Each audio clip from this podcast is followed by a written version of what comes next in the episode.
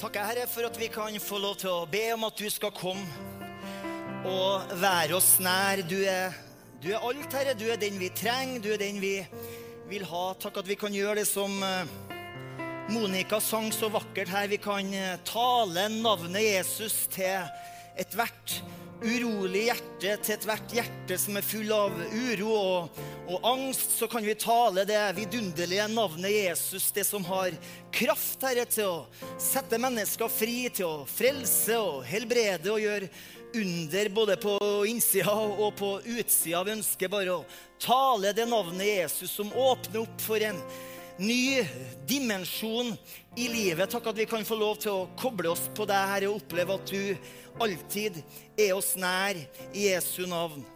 Amen. Gi dem en eh, applaus. Det er så bra.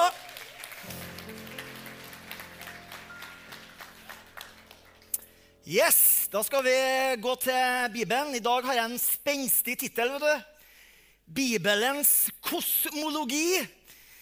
Beliggenhet med en utsikt. Du vet, Jeg har allerede fått utbetalt den siste lønna mi. Så da tenkte jeg bare nå Endelig kan jeg få prate om noe jeg syns er spennende. Så nå, det her blir bra. Jeg kommer i hvert fall til å kose meg. Vi skal lese om en liten stund et vers fra Efeserbrevet.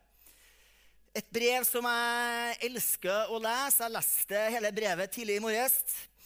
Og det er sånn at eh, Grovt sett så kan du dele opp Efeserbrevet i to. Del én er de tre første kapitlene. Der får vi på en måte presentert de gode nyhetene. Eh, Paulus setter ord på hva Gud har gjort for oss i Kristus. Altså Han gir oss evangeliet, han gir oss de gode nyhetene.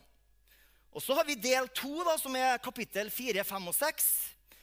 Der bruker Paulus de gode nyhetene, og så tilegner han dem på det praktiske livet.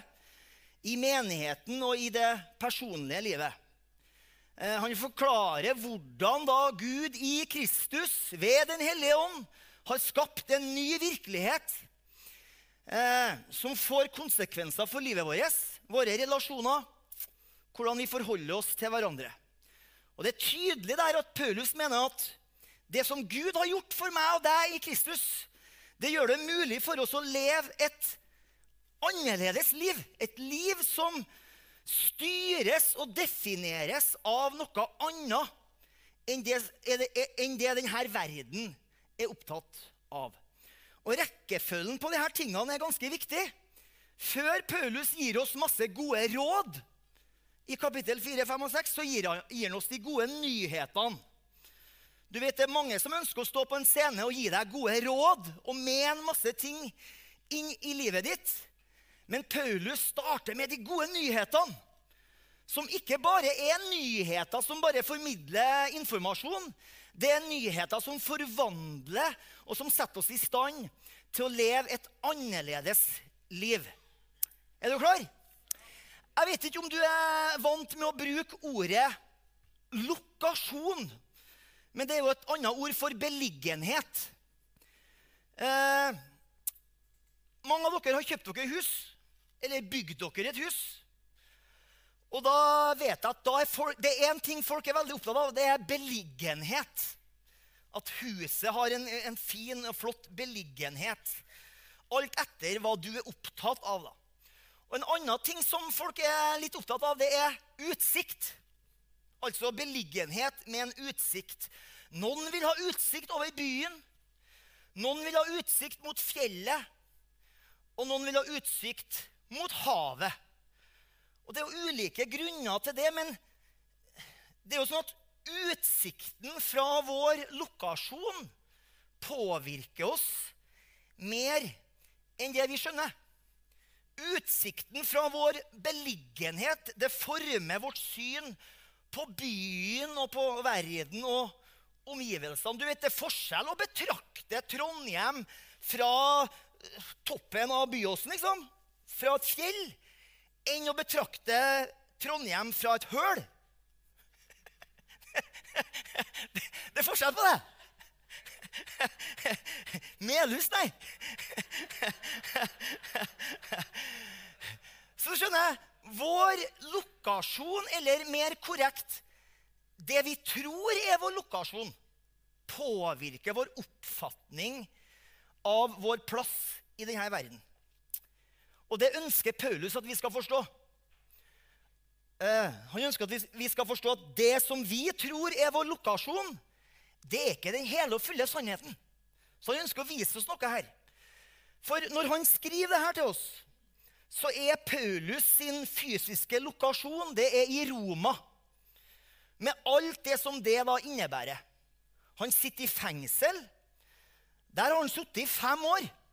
Først tre år i en by som heter Cesarea, og deretter to år i Roma.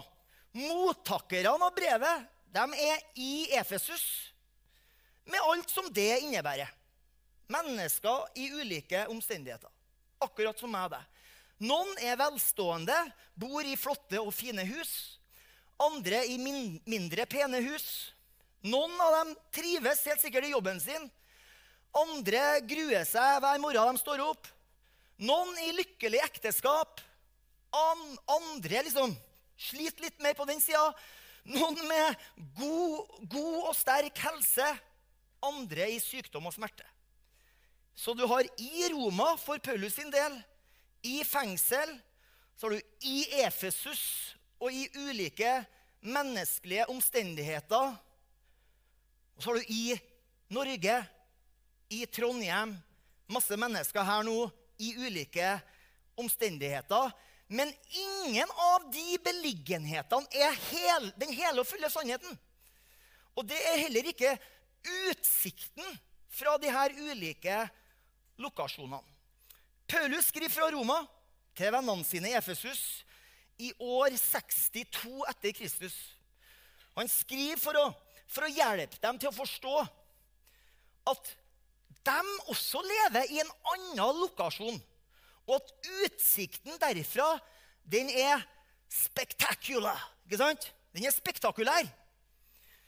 Utsikten fra vår virkelige lokasjon gir oss en annen opplevelse av omgivelsene våre. En annen oppfatning av verden og en annen oppfatning av livet. La oss gå til Bibelen, Efeserbrevet, kapittel 1. Vi skal lese ett vers.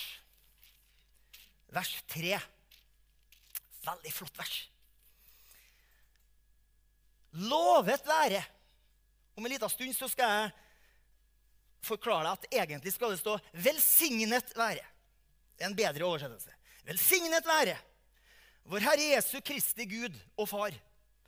Han har velsignet oss, samme ordet som i 'velsignet være'. Han har velsignet oss med all åndelig velsignelse i den himmelske verden i Kristus.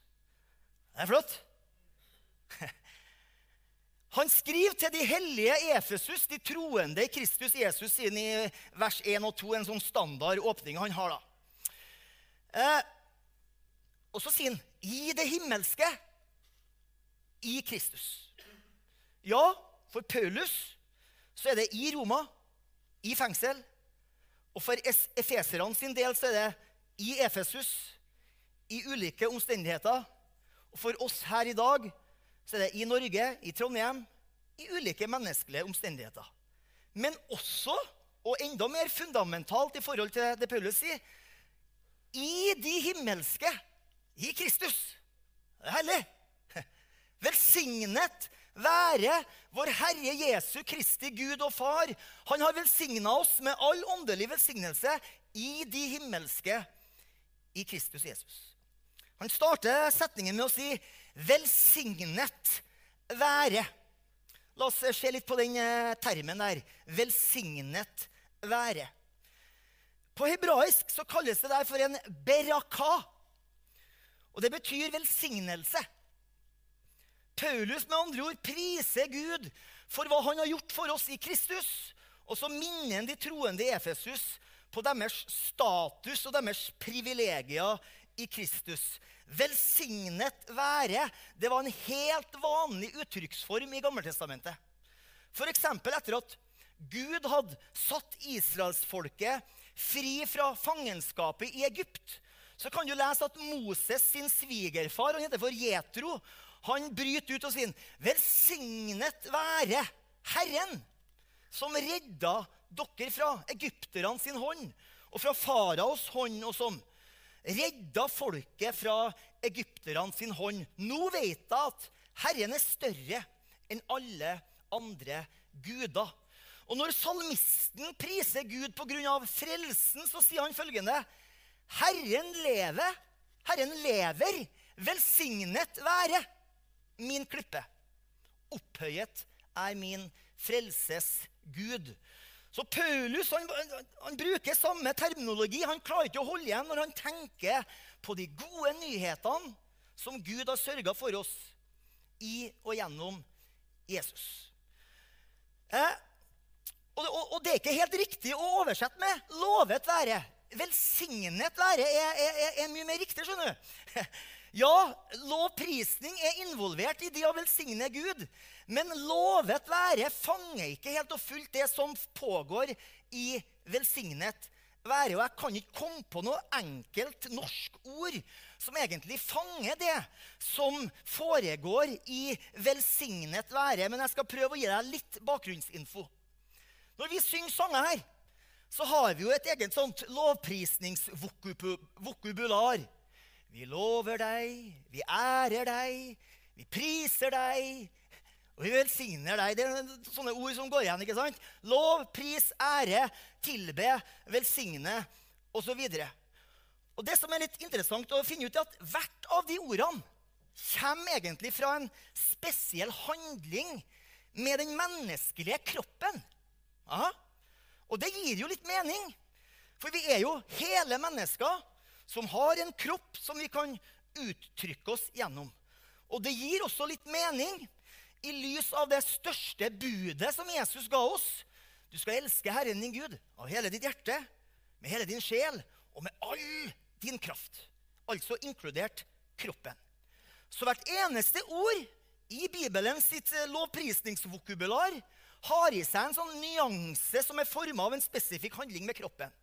Så hvis vi tar velsigna, så handler det om hender og knær. Ok? Hender og knær. Å velsigne, det er å bringe en gave til en annen en ved å knele. Knele ut av respekt.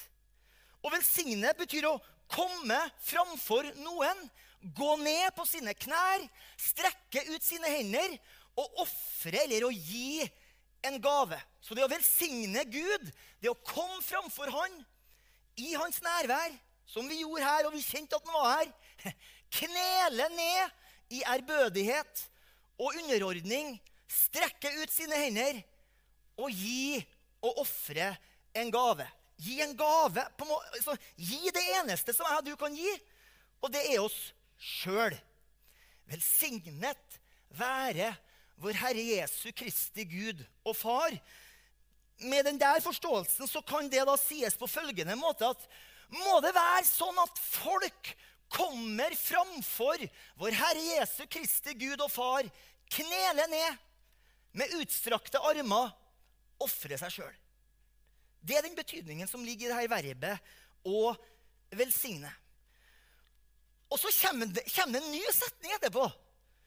Og med denne bakgrunnsinfoen så kan vi på en måte fullt ut sette pris på det jeg kaller for undret over alle under i resten av setningen. Velsignet være vår Herre Jesu Kristi Gud og Far. Han har velsignet oss. Akkurat det samme ordet som er brukt i 'velsignet være'. Altså, vi velsigner den Gud som har velsigna oss. Gud har velsigna oss. Han velsigner oss. Han har kommet til oss, følg, med nå, knelt ned foran oss, strakt ut sine hender og gitt oss en gave. Mange gaver. Gud kom til oss i og gjennom Jesus Kristus. Gud gikk ned på knær foran oss i Jesus Kristus. Den levende Gud som har strekt ut sine armer og sine hender. Han har gitt seg sjøl i Jesus Kristus. Og med Kristus har han gitt oss alle ting sånn at jeg og du kan være det han har skapt oss til å være. Det Paulus egentlig feirer i den setningen, det er på en måte den hele og fulle sannheten i den velsignelsen som han hadde hørt gjennom hele sitt liv som en jøde. Som vi bruker i, nesten hver eneste gudstjeneste når vi lyser velsignelsen i fjerde Mosebok kapittel 6. De ordene har du hørt veldig mange ganger. Gud sjøl gir instruksjoner til prestene om å tale de her ordene over folket. Herren velsigne deg og bevare deg. Herren la sitt ansikt lyse over deg og være deg nådig. Herren løfter sitt åsyn på deg og gi deg fred. Og så kommer det i neste setning. Så sier Herren, slik skal de legge mitt navn på Israels barn, og jeg skal velsigne dem. Ser du nå hva som foregår i denne velsignelsen? Herren velsigne deg, altså må Herren komme til deg. Gå ned på sine knær foran deg, strekke ut sine armer mot deg. Det er jo derfor han kan bevare deg, fordi han har strekt ut sine hender for å ta tak i deg. Herren la sitt ansikt lyse over deg, ikke fra en plass som er utilgjengelig, langt oppi der, for det er det vi ofte forestiller oss. Hvor han ser ned på oss. Nei, rett foran deg. Her, hvorfor står det 'Herren løfter sitt åsyn og gir deg fred'? Han må løfte sitt åsyn, for han har gått ned på knær foran deg. Han ser opp på deg, han har gått ned på sine knær foran deg. Du skjønner det her? En alternativ forståelse av virkeligheten. Skaperen av himmel og jord har kommet til oss gjennom Jesus Kristus, knelt foran oss og gitt oss den største gaven som han kan gi. Og Som Jesus sjøl uttrykker det i Johannes 3, 16. For så høyt har Gud elska verden, at han ga sin sønn, den eneste. Og med han har han gitt alle åndelige velsignelser, som betyr alle velsignelser som Ånden kan gi. Velsignet være vår Herre Jesu Kristi Gud og Far. Vi må høre disse ordene i Paulus sin kontekst. I hele hans liv så hadde han adressert Gud på samme måte som sine jødiske landsmenn. Han var oppdratt i det her. Abraham, Isaks og Jakobs Gud. Altså den Gud som har åpenbart seg gjennom Abraham, Isak og Jakob. Og han har åpenbart seg som en Gud som velsigner. Og til Abraham husker vi jo at Gud sa, 'Jeg vil velsigne deg.' Og i deg skal alle jordens slekter velsignes. Men i lys av det som Gud har gjort gjennom Jesus, så har Paulus på en måte nei, nei, nesten forandra navnet til Gud. Du vet, alle velsignelsene til Abraham, Isak og Jakob får sin oppfyllelse gjennom det som Gud gjorde gjennom Jesus Kristus. Og så får Gud på en måte et nytt navn. Paulus kaller den for vår Herre Jesu Kristi Gud og Far. Far, det er den tittelen som Paulus foretrekker når han snakker om Gud i mange av sine brev. Du finner Romebrevet, Korinterbrevene, Filippebrevet, her i Efeserbrevet. Og ordet far det er jo beskrivende for en relasjon. Altså den Gud og den far som Jesus kjenner og som Jesus elsker. Velsignet være den Gud og Far som har åpenbart seg gjennom Jesu død, begravelse og oppstandelse. Og vi vet jo det når vi leser evangeliene. Folk flokka seg om Jesus når han var her på jorda. For i Jesus så opplevde de en velsignelse som de aldri hadde opplevd før. Og Min oppfordring er at jeg og du vi må la den samme sannheten virkelig Ta litt tak i sjelen vår i dag. Klarer vi det? Som, den, la, la, det ta litt tak i sjelen din, det som gjorde at folk flokka seg om Jesus i det han sa, og i det han gjorde. Og det, og, og det var det som gjorde at Paulus brøyt ut i lovprisning og sa, 'Velsignet være vår Herre Jesu Kristi Gud og Far.' Han har velsigna oss med all åndelig velsignelse i de himmelske i Kristus. Og Det bringer oss tilbake der vi starta, til ordet lokasjon og beliggenhet. For her sier egentlig Paulus at vi opplever alle åndelige velsignelser i en ny beliggenhet, i en ny lokasjon, fra, fra en ny plass, med en ny utsikt som er spektakulær. Vi opplever velsignelsene i de himmelske, i Kristus. Eh, han er i Roma. Vennene hans er i Efesus. Paulus er i fengsel. Vennene befinner seg i alle mulige menneskelige omstendigheter. Men Paulus er også i de himmelske.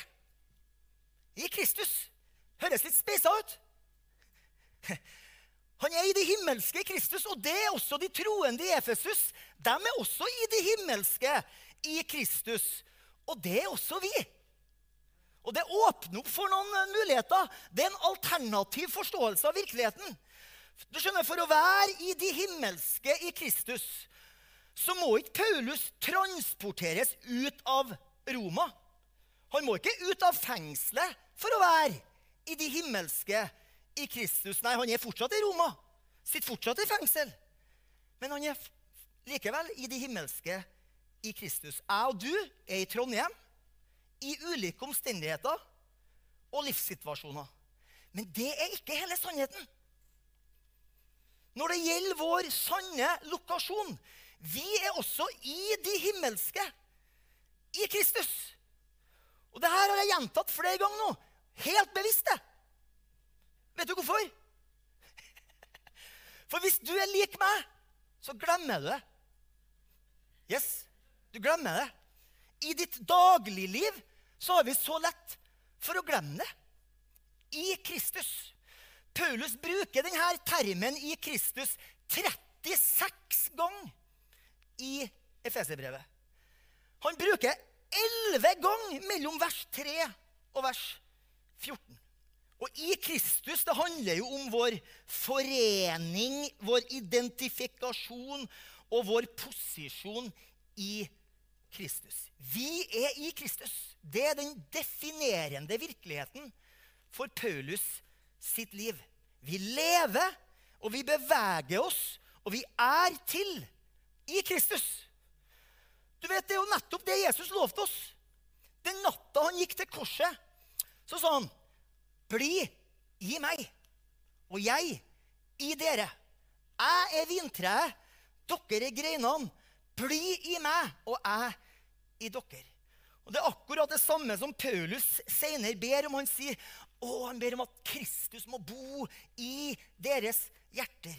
Så Bibelen snakker om Kristus i oss og vi i Kristus. Forstår det den som vil? Jeg forstår ikke, men jeg tror på det. Alle åndelige sannheter som den velsignede Gud gir oss, oppleves ikke bare på grunn av Jesus, heller ikke bare med Jesus, men i Kristus. Det er vår sanne lokasjon. Men så bruker Paulus et annet uttrykk her for å beskrive vår sanne lokasjon. Og det er mulig at noen av dere synes at dette blir nå litt spesielt. En liten stund nå, noen minutter. Så da kan du bare koble av noen minutter. Så skal jeg si fra når du skal koble deg på igjen. Er greit? For han bruker også uttrykket 'i de himmelske'. Og for meg er det en selvfølge, for det er jo der Jesus er. Mm -hmm. Det er der hvor han som er mitt liv, er. Det er der han lever. Og for å være med han og i han, så må jeg være der han er. Men hva mener Paulus med dette uttrykket 'de himmelske'? Hva betyr det? Jeg, når jeg får spørsmål om det på bibelskolen, så sier jeg 'jeg vet ikke'.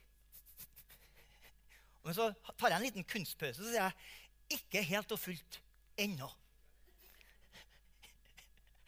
Ikke helt og fullt ennå. Du vet, Jeg, jeg stoler bare på Paulus. jeg. Jeg tror det samme som Paulus. Problemet er at jeg forstår ikke alt det Paulus tror på. Men det er greit. Jeg tenker at Det tar litt tid for meg å forstå denne alternative forståelsen av virkeligheten som han presenterer. Men likevel så kan vi si noe med ganske stor sikkerhet når vi går til Guds ord. Så jeg skal gjøre et forsøk. Paulus sin forståelse av virkeligheten omhandler det vi kan kalle for Bibelens kosmologi. Herlig ord. Læren om kosmos.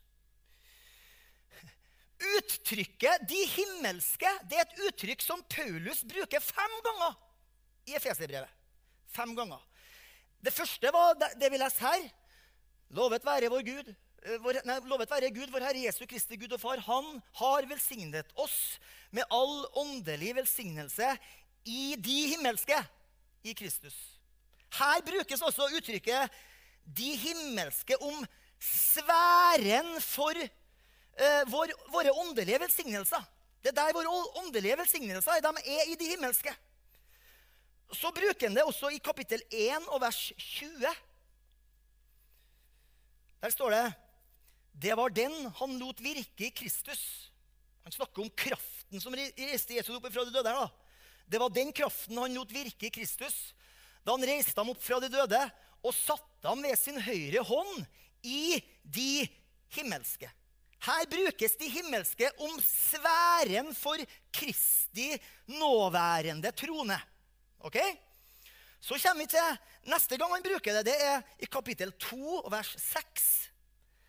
Der står det at han oppreiste oss. Nå begynner det å bli interessant. Han oppreiste oss sammen med han og satte oss sammen med han i de himmelske i Kristus. Så her brukes uttrykket 'de himmelske' om sfæren for vår nåværende posisjon i Kristus. Ok?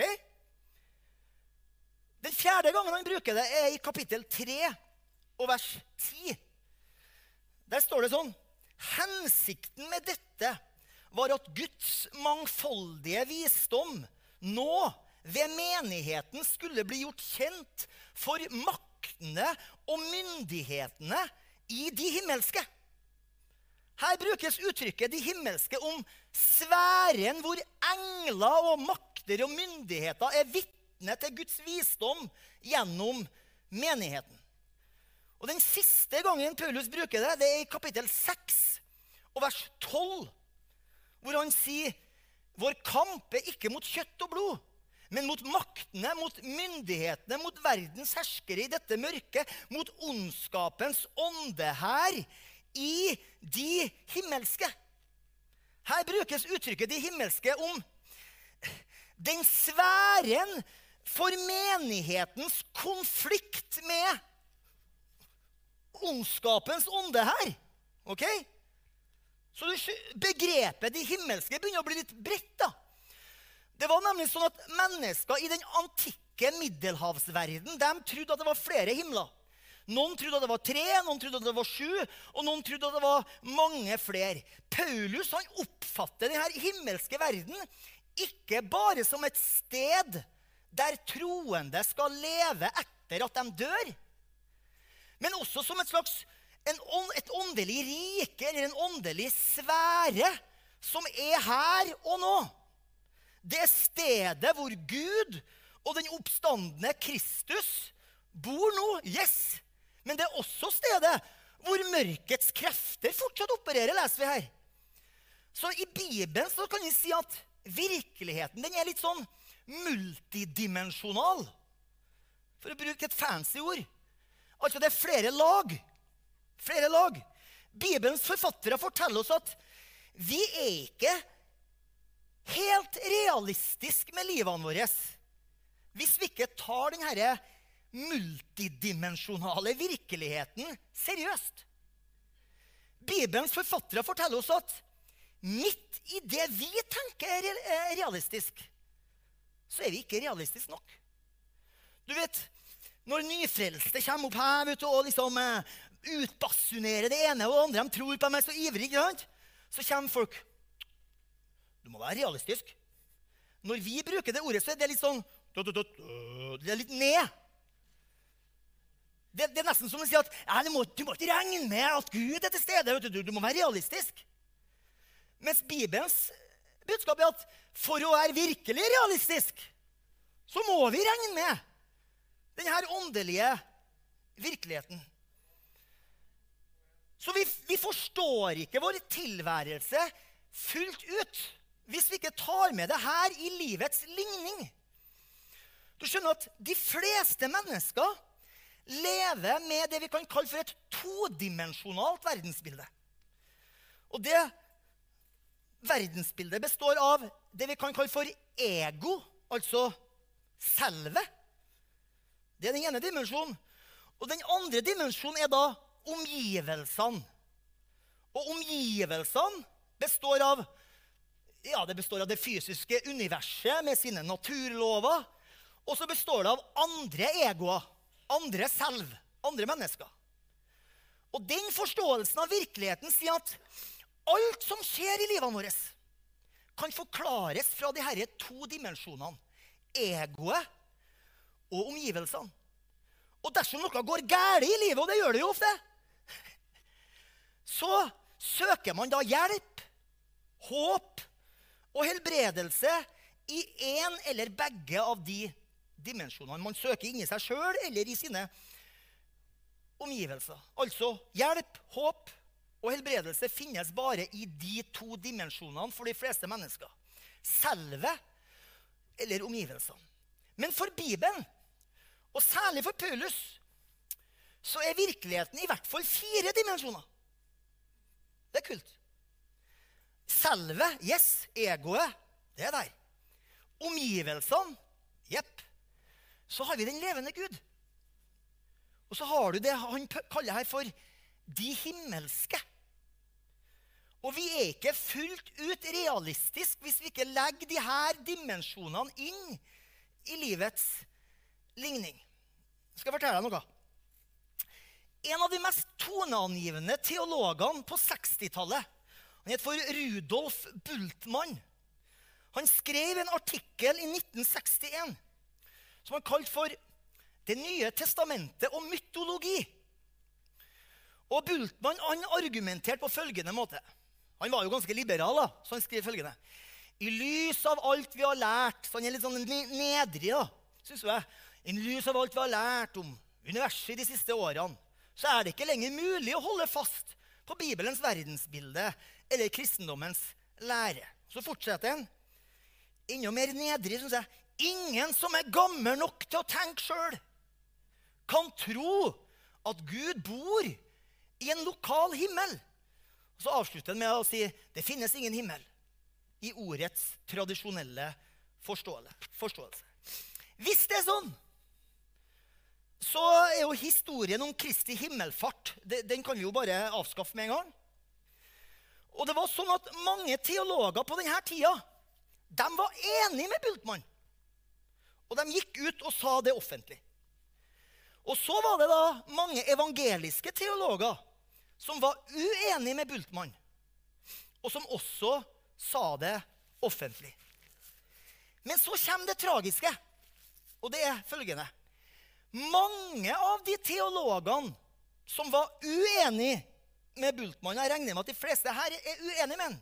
Mange av dem som var uenige med ham, de levde sine liv som om de var enige med ham. Henger du med? Det vil si at himmelen, eller de himmelske, ikke hadde noe praktisk innvirkning på hvordan de levde sine liv. Det hadde liksom ingen betydning. De sto på morgenen, pussa tennene, hadde på litt deo, spiste en frokost, dro på jobb. Gjorde helt det vanlige som alle gjør i de her to dimensjonene. Og ofte tror jeg at jeg og du også kan havne i den kategorien. Hvor vi leser det som Paulus sier. Og vi syns jo at det er litt interessant. Gjør dere det. og så lurer vi litt på hva han mener for noe. Men så fortsetter vi våre liv som om det Paulus sa, ikke utgjør en forskjell for våre liv. Vi står opp om morgenen, og vi tar ikke denne dimensjonen med oss i hverdagen. Vi regner ikke med de himmelske i livets ligning. Da er vi det som enkelte kaller for praktiske ateister. Jepp. Hvor vi har den riktige bekjennelsen, men vi, i praksis så lever vi jo som om det her ikke er til stede. For meg så tenker jeg sånn at heldigvis så har jeg opplevd så mange ting som ikke kan forklares med det herre to, med det her todimensjonale verdensbildet. Heldigvis. Jeg har opplevd det som, som Stanley Jones han, han brukte å si at tvunget av livets fakta. brukte han å si. Jeg har opplevd så mye av det at jeg kan ikke noe annet enn å være seriøs i forhold til hvordan Paulus og Bibelen forstår verden. Når Paulus snakker om det himmelske, så snakker han om en annen dimensjon. Et annet lag i og omkring oss vår, eh, som er til stede her, altså. Det er virkelig. Kristus han lever i den dimensjonen. Han sitter på tronen i den dimensjonen. Vi blir gjort levende med han i den dimensjonen, og vi sitter med han i denne dimensjonen. Vi, vi er i Kristus i denne dimensjonen. Det er vår sanne lokasjon i denne verden. Og utsikten derifra er spektakulær. Og den er ikke langt bort. Nei, nei, nei. Som veldig mange tenker når de hører ordet himmel. Det er, gang, det er dit vi skal en gang. Nei, den er ikke langt bort. Vi tenker ofte langt bort, både i tid og rom. Men det er ikke sånn Bibelen tenker. Bibelens forfattere bruker ordene 'himmelen' og 'himmelske' like naturlig som, som eh, jorda og det jordiske, og ofte i samme teksten. I Bibelens første vers, f.eks. I begynnelsen skapte Gud himlene og jorden. Helt på slutten i den aller siste boka i åpenbaringsboka står det Gud vil skape en ny himmel og en ny jord. Veldig ofte når Bibelen snakker om himmelen, så snakker den også om jorda og det motsatte. Som jorda er også himmelen skapt. Som jorda er også himmelen en del av den skapte virkeligheten. Og Teologer sier følgende at slik det var en tid hvor det ikke fantes en jord, slik var det også en tid hvor det ikke fantes en himmel. Du skjønner, Gud trenger ikke en himmel han, for å være Gud. Bibelen starter sånn. I begynnelsen var Gud. Den tredje Gud. Og ingenting annet. Så skapte Gud himmelen og jorden. Og Det er derfor vi sier himmelens og jordens skaper. Du skjønner, Himmelen er like avhengig av Gud som jorda er avhengig av Gud. Jorda kan ikke holdes opp av seg sjøl. Det kan heller ikke himmelen. Og som jorda har også himmelen blitt påvirka av synd av himmelske vesen, falne engler, makter og myndigheter. Åpenbaringsboka 12 sier at det brøt ut krig i himmelen. Og vi leste et vers her i Efeserbrevet. Vår kamp er mot ondskapens ånde her i de himmelske. Du skjønner, I Bibelens kosmologi så er livet på jorda påvirka av livet i himmelen. Og livet i himmelen er påvirka av livet på jorda. Profeten Daniel snakker jo om det her. Han har bedt for Israel i lang tid. Og etter mange dager, etter 21 dager så kommer det en engel til en engel, en Mikael.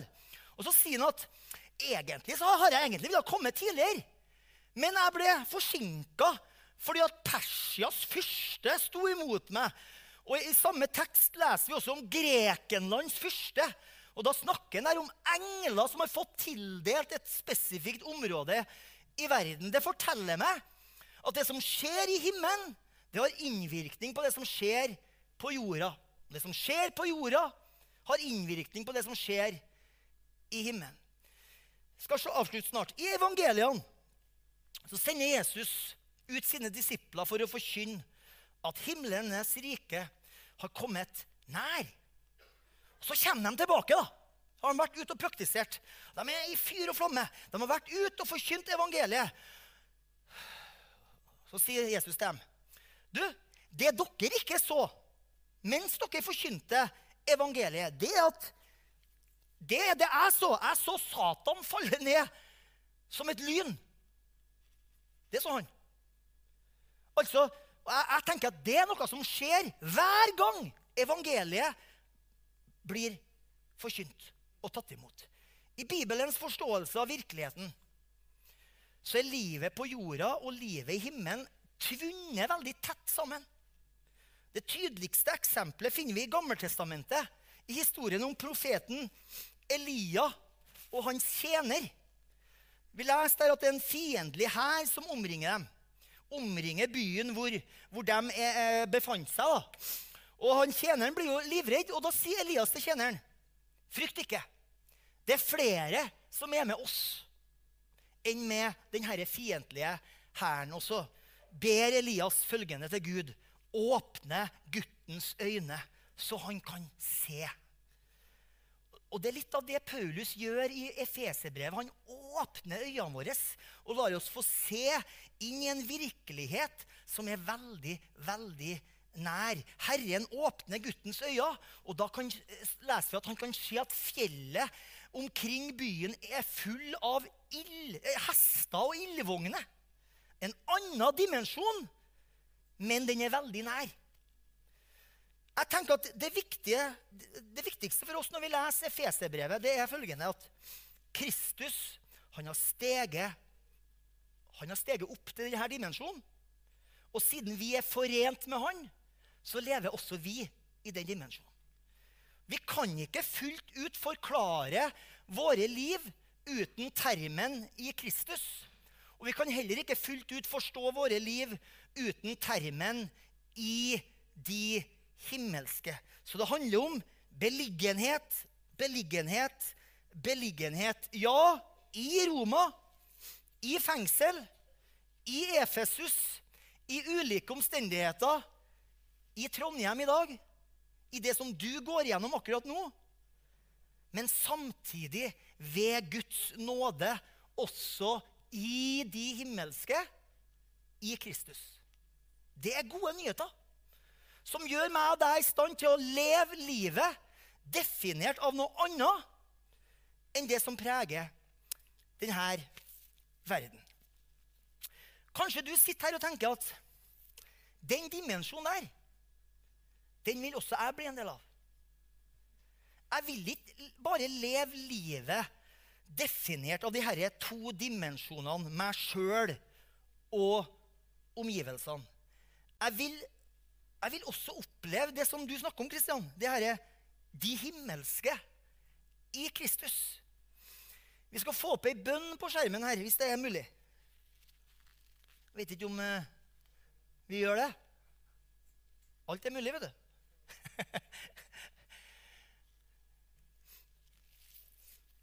Så hvis du også vil starte på denne vandringen, du, hvor du kan bli en del av dette her, i de himmelske, i Kristus, en dimensjon som er veldig nær fordi Jesus er her, så, denne, så skal vi be denne bønna sammen. Skal vi gjøre det? Da starter vi. Takk, Jesus, for dagen i dag.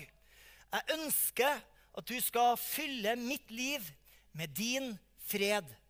Du tar imot meg, og jeg ønsker relasjon med deg. Amen.